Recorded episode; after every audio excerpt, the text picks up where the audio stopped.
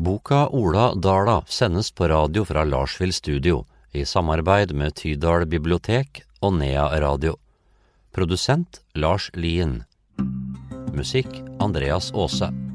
Den historiske romanen blir lest av forfatteren Odd Håvard Morseth.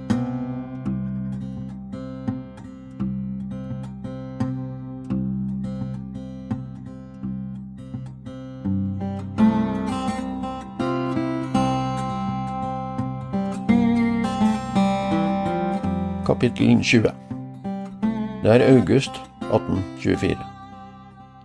Lynnedslag. Det var regn da Berit kom gående inn i tunet på Dala. Regnet plasket ned og laget en liten brun bekk nedover tunet. Hun var hos Lars og Maren på Stuggevollen, skulle være der noen uker nå på slutten av sommeren. I år hadde hun kommet tidligere enn vanlig. Det her hadde vært en fin sommer med god høytørk, og åndearbeidet var snart ferdig på fossene. Maren hadde foreslått at hun skulle spørre Ola om de trengte hjelp i seteren, hun mente det var mye å stå i for Anne. Johan Krokstad og Brynhild Rolseth hadde kommet tilbake denne sommeren også. Nå hadde Johan og Ola gjort ferdig slåtten på innmark og i utmarka innover Dalslia. Johan hadde tatt med seg hest og kløv inn til setra ved Riasten. Han laftet på det nye setefjøset og fikk noen dager der, sammen med Brynhild. Anne og Halvor var også der, det hjalp til med gjeting og melking. Ola hadde tenkt seg inn i liene ved Håvollen for å slå siste rest av Markaslåtten der. Men det her var ingen dag å gå dit. Bygene kom med torden. Innimellom var det sol og lommer augustvarme. Han hørte det ramlet ut i døra, og der sto Berit, midt i en kraftig byge. Jeg rakk ikke fram mellom byggene, sa hun andpusten. Hun måtte ha løpt, prøvde å komme fram før regnet. Nå sto hun ute ved døra og så nesten forskrekket på Ola. Skremte han henne? Han slapp tak i dørkarmen og gikk til side. Kom inn! Han hadde knapt kjent seg så klønete noen gang. Ikke engang i møte med øvrigheta ute på Røros gård eller i teselskap med madam Dahl. Ordene ville ikke komme ut. De måtte kontrolleres først. Her måtte gjøres rett. Men han visste ikke hva som var rett å gjøre. Fingrene ble stive og håndflatene svette. Det var bare det at jeg lurte på om dere trengte hjelp i seter noen dager. Det er godt med folk på stuevollen. Berit sto i døra inn til stua som om hun var klar for å gå igjen, ventet bare på et svar og snu og gå. Hun var bløt i hår og bluse. Skoene var bløte og møkkete. Var det derfor hun stod der for ikke å trampe ut på gulvet? Ola strammet seg opp. Kom, du må tørke deg, ta av skoa, de er våte, han holdt fram ei hand som om hun allerede hadde tatt dem av. Han måtte finne et håndkle, et i lin, som var reint. Han dro fram en stol i bjørk med utskjæringer. Det var den far alltid hadde sittet på for enden av bordet. Han hadde fått det så travelt, hun måtte ikke gå, ikke nå. Et lyn lyste opp i stua, et skarpt blink som ga lys i alle kroker, han så Berit som en stivnet statue midt ute på gulvet. De blå øynene lyste opp i det blanke ansiktet. Hun sto der med et smil, så nesten glad ut, midt i lynglimtet. Like fort lå rommet i et dunkelt mørke, før øynene igjen ble vant til det sparsommelige dagslyset som de små vinduene slapp inn. Berit smilte ikke mer men kom med raske skritt over gulvet. Så smalt det. Et kraftig, hardt smell, som fra en flintbørse soldatene hadde skutt med fra skansen. Lyden rullet utover dalen og kom tilbake fra fjellene. Hun tok tak med begge hender rundt handa til Ola, gikk helt inntil armen hans. Det her liker jeg ikke, sa hun med svak og forsiktig stemme. Ola kjente seg plutselig sterk. Hun hadde kommet helt inntil som for å søke støtte, kanskje kjente hun seg trygg ved å stå der tett inntil ham, men det var lite han kunne gjøre for å stoppe slikt vær. Det gir seg snart, sa han ned mot det våte håret hennes. Hun slapp ikke taket, men beveget den ene hånden oppover den nakne underarmen hans. Ola la den andre armen oppe på skulderen hennes, ga den et vennlig trykk som førte dem enda tettere sammen. Det var liksom ikke noe som var farlig lenger, ikke været, ikke Berit. Han smilte. Det kjentes helt riktig at de sto her og holdt hverandre, mens tordenen rullet med en hul lyd borte i fjellene. Vi vil gjerne ha hjelp. Ola slapp taket, hentet håndkle, løsnet snøringene og dro av henne skoa. Han var ikke hjelpeløs og usikker lenger, alt var slik det skulle være. Berit ble sittende en stund, ventet på at været skulle gi seg. Ola fortalte om planene sine om å slå gresset i line ved Håvollen de neste dagene, men han kunne følge henne over fjellet til Riasen i morgen. Men da trenger du jo rakstetøs, da, Ola. Det er ikke mange slike her i gården. Berit lo den varme latteren sin og skakket på hodet. Hun så seg rundt, som om hun lette etter noen. Ola stoppet opp ute på gulvet. Nå så han nesten forskrekket ut. Mener du… Ola begynte å le, han også. Jo da, jeg ser nå en dyktig og riktig så blid Rokstedtøs, med blå øyne og vått hår. Kanskje er det hjelp å få i slåtten? Ola våknet før klokka begynte å slå. Det var så mange tanker å holde styr på. Natta hadde vært forstyrret av drømmer og fantasier. Tankene hadde vært hos Berit. Det var ikke bare dagen i dag, det var så mange tanker om alt det de skulle gjøre sammen. Han gledet seg til hun kom. Sola var på vei opp ved kanten av Skarsfjellet. Tåka lå stille over den blanke vannflata på sjøen. Disen lå som smale skyer nede ved foten av fjellet. Han satte seg på den nye benken ute på trappa. Taksvalene seilte gjennom tunet. De hadde kommet tilbake i år også og laget nye reirkopper under takskjegget. Ungene var for lengst på vingene, men svalene kom alltid tilbake til husene om natta. De nybygde fjøsene var tomme, alle dyrene var inne på setra. Ola var nybarbert. Han hadde forsøkt å stryke det svarte, bølgete håret ned bak ørene, men noen gjenstridige pannehår lå likevel uryddig nedover det ene kinnet.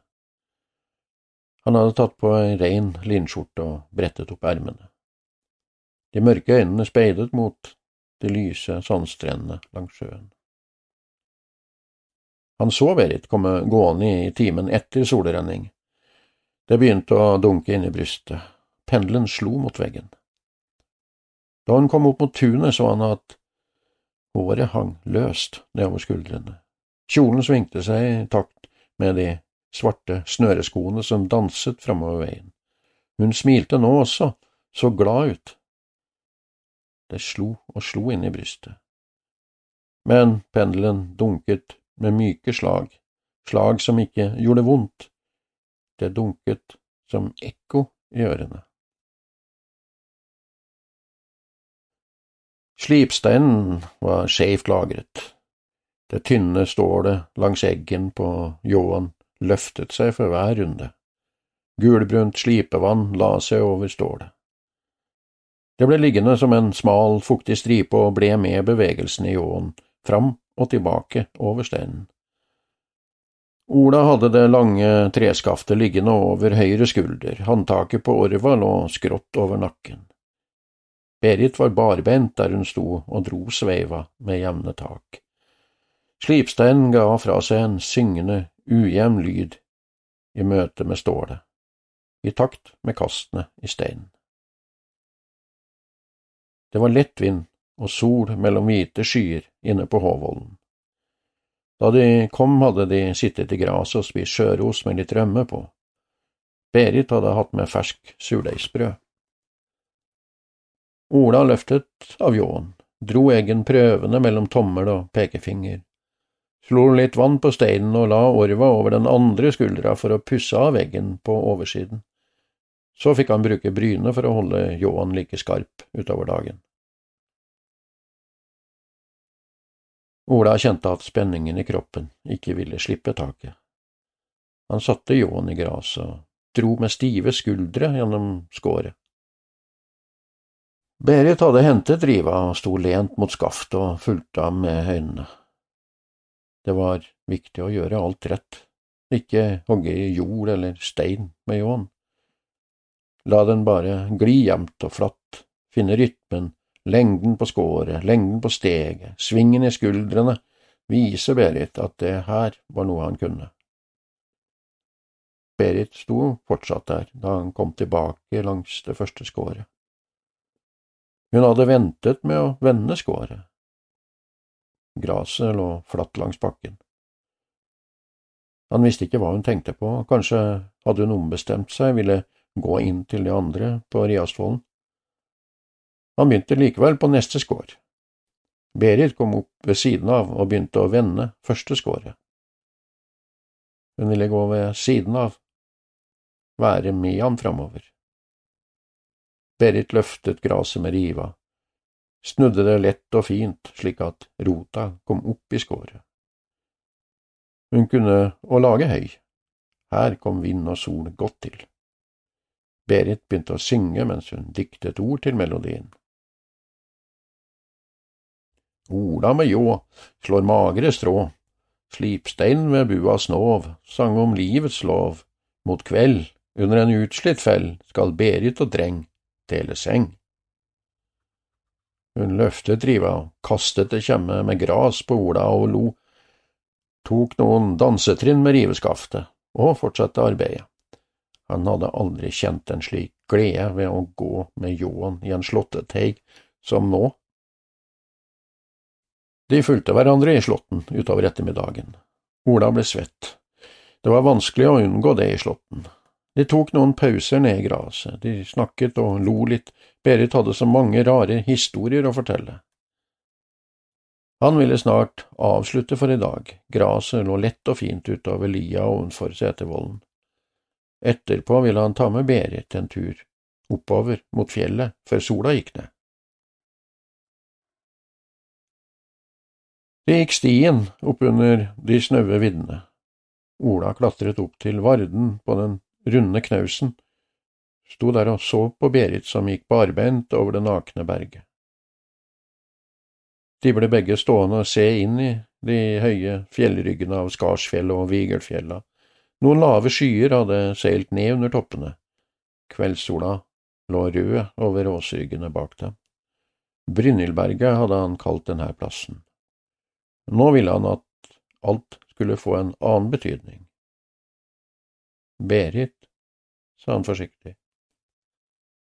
Berit snudde seg mot ham, kom litt nærmere. Ja, sa hun med et smil og skakket på hodet. Ola rakte fram handa, ville hente henne mot seg.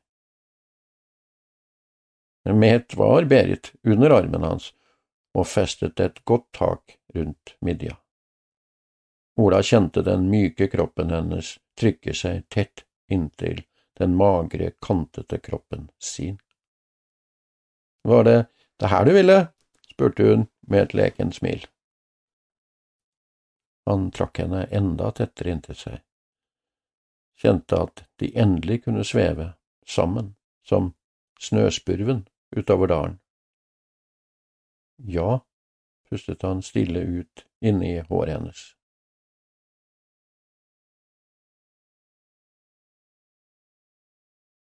Hjemme lørdag 19. april 1862 Ola stanser hesten oppe ved huset, nysnøen er tint av steinhellene på trappa. Han går fram og legger tømmene over bogtreet. Lars holder på å bære fram ei stor bør med høy til fjøset da han så faren komme med hesten. Nå kommer han løpende gjennom tunet. Bra du kom nå, ja, sier Lars. Han er rask nede ved føttene og spenner av trugene. Lars ble 13 år nå i påska og deltar i alt arbeid på gården. Han holder alltid på med noe ute så lenge det er dagslys og været tillater det. I vinter ville han lære alt faren kunne om jakt og fangst. Etter jul har det Lars hatt sin egen fangstrute om feller og snarer. Han skulle selge fangsten og kjøpe gevær. Du vart lenge borte, sier Lars, som har reist seg. Ola er opptatt med å løsne lerretsuken. Været slo om før jeg kom meg over fjellet. Lars kveler sammen svinelærsreipene etter hvert som faren legger de fra seg over sledekarmen.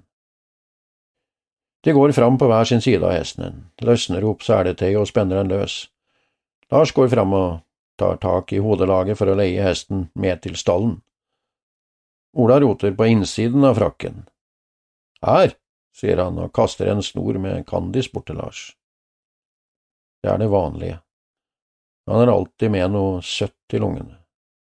Det er bare det at Lars ikke kjenner seg som en unge lenger.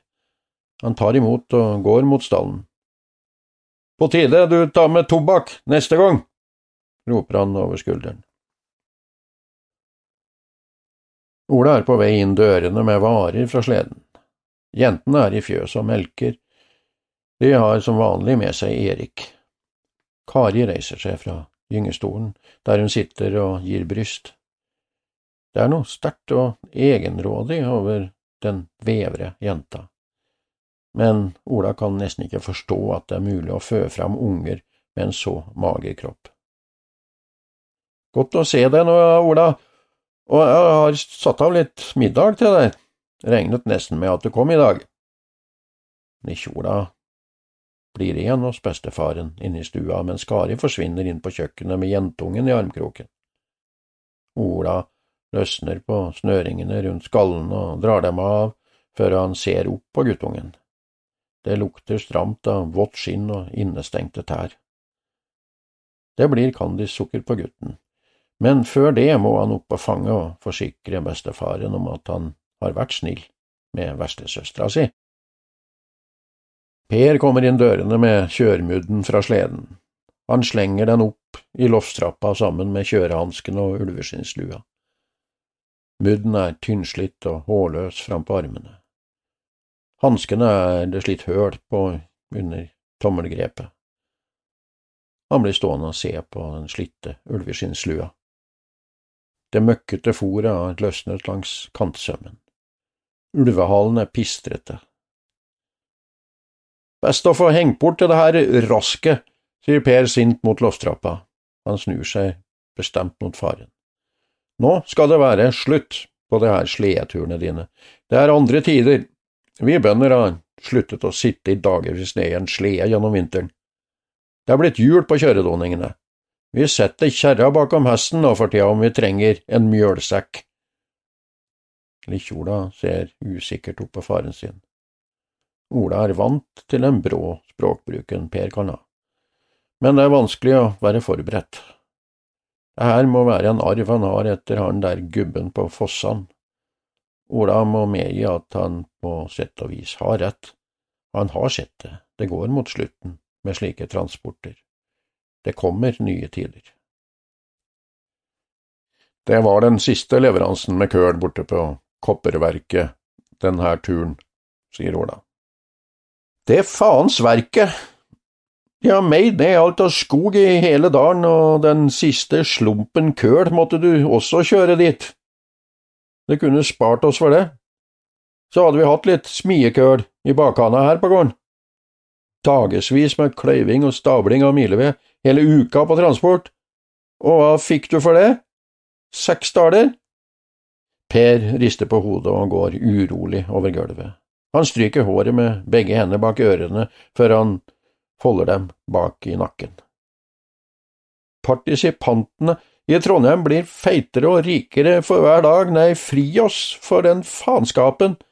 Det har labba svarte kullbrennere gjennom dalen her så lenge jeg kan huske, alle på jakt etter furua, helt til den siste er borte. Det var da tømmer i dalen her før. Nå er det bare litt krattskog igjen. Ikke mye Ola kan si det slikt. Det var andre tider en gang. Kampen for å overleve var en endeløs kamp mot sult og nød. Barnedød rammet hardt om det ikke var mat på bordet. Avtaler og byttehandel, gjeld og forpliktelser var et evig uføre i en tid da alle manglet skilling i lomma. Det er konfirmant i huset her om noen uker, men Lea har du nok glemt. Viktigere at verket får et lass køl. Per slenger døra etter seg og går ut til fjøsen igjen. Kari kommer inn med mat, med en litt forskremt lillekjola i skjørtet. Som om hun ikke har hørt et ord av det Per har sagt, setter hun den dype tallerkenen foran Ola.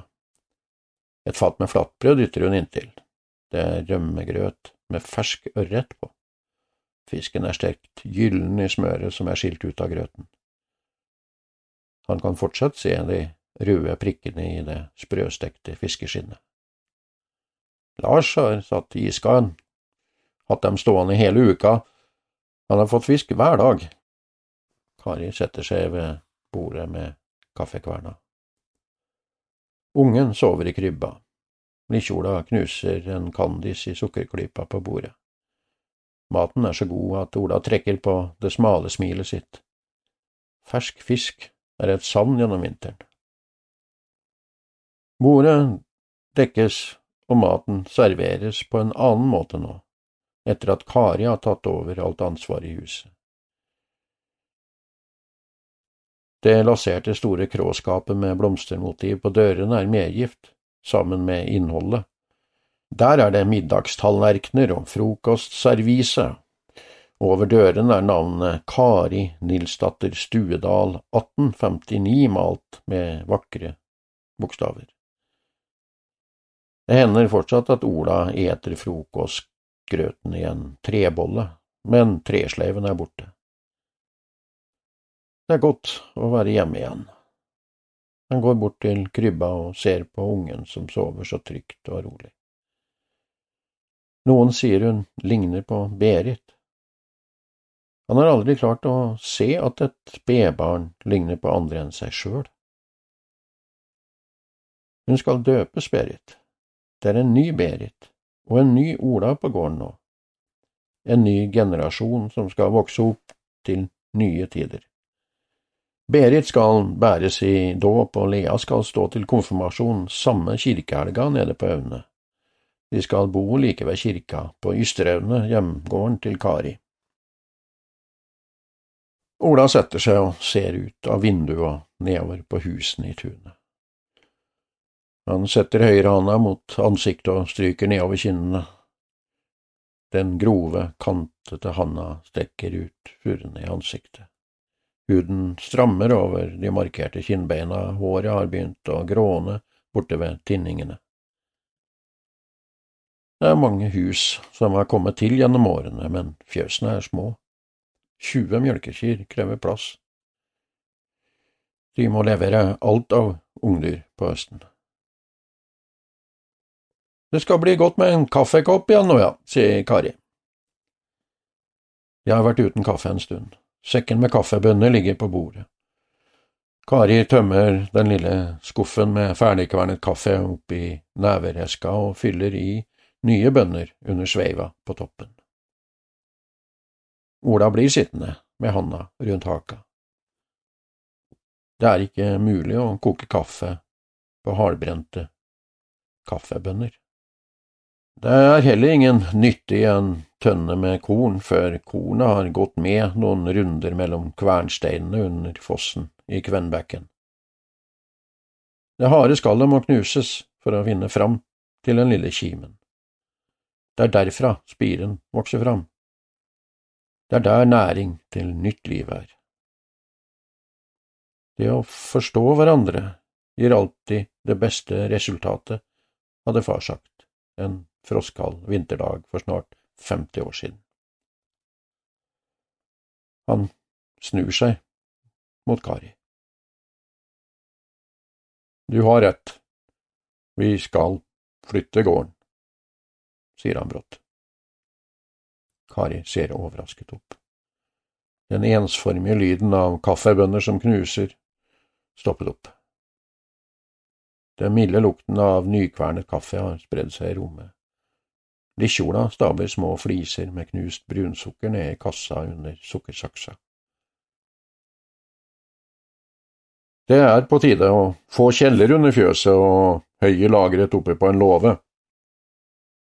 Kari møter blikket til Ola med et vart, nesten forsiktig smil. Jeg skal snakke med Jakob når vi kommer ned i pinsa. Vi har gått med tømmerskog og elvesag på Ysteraunet. Kverna begynner å male igjen.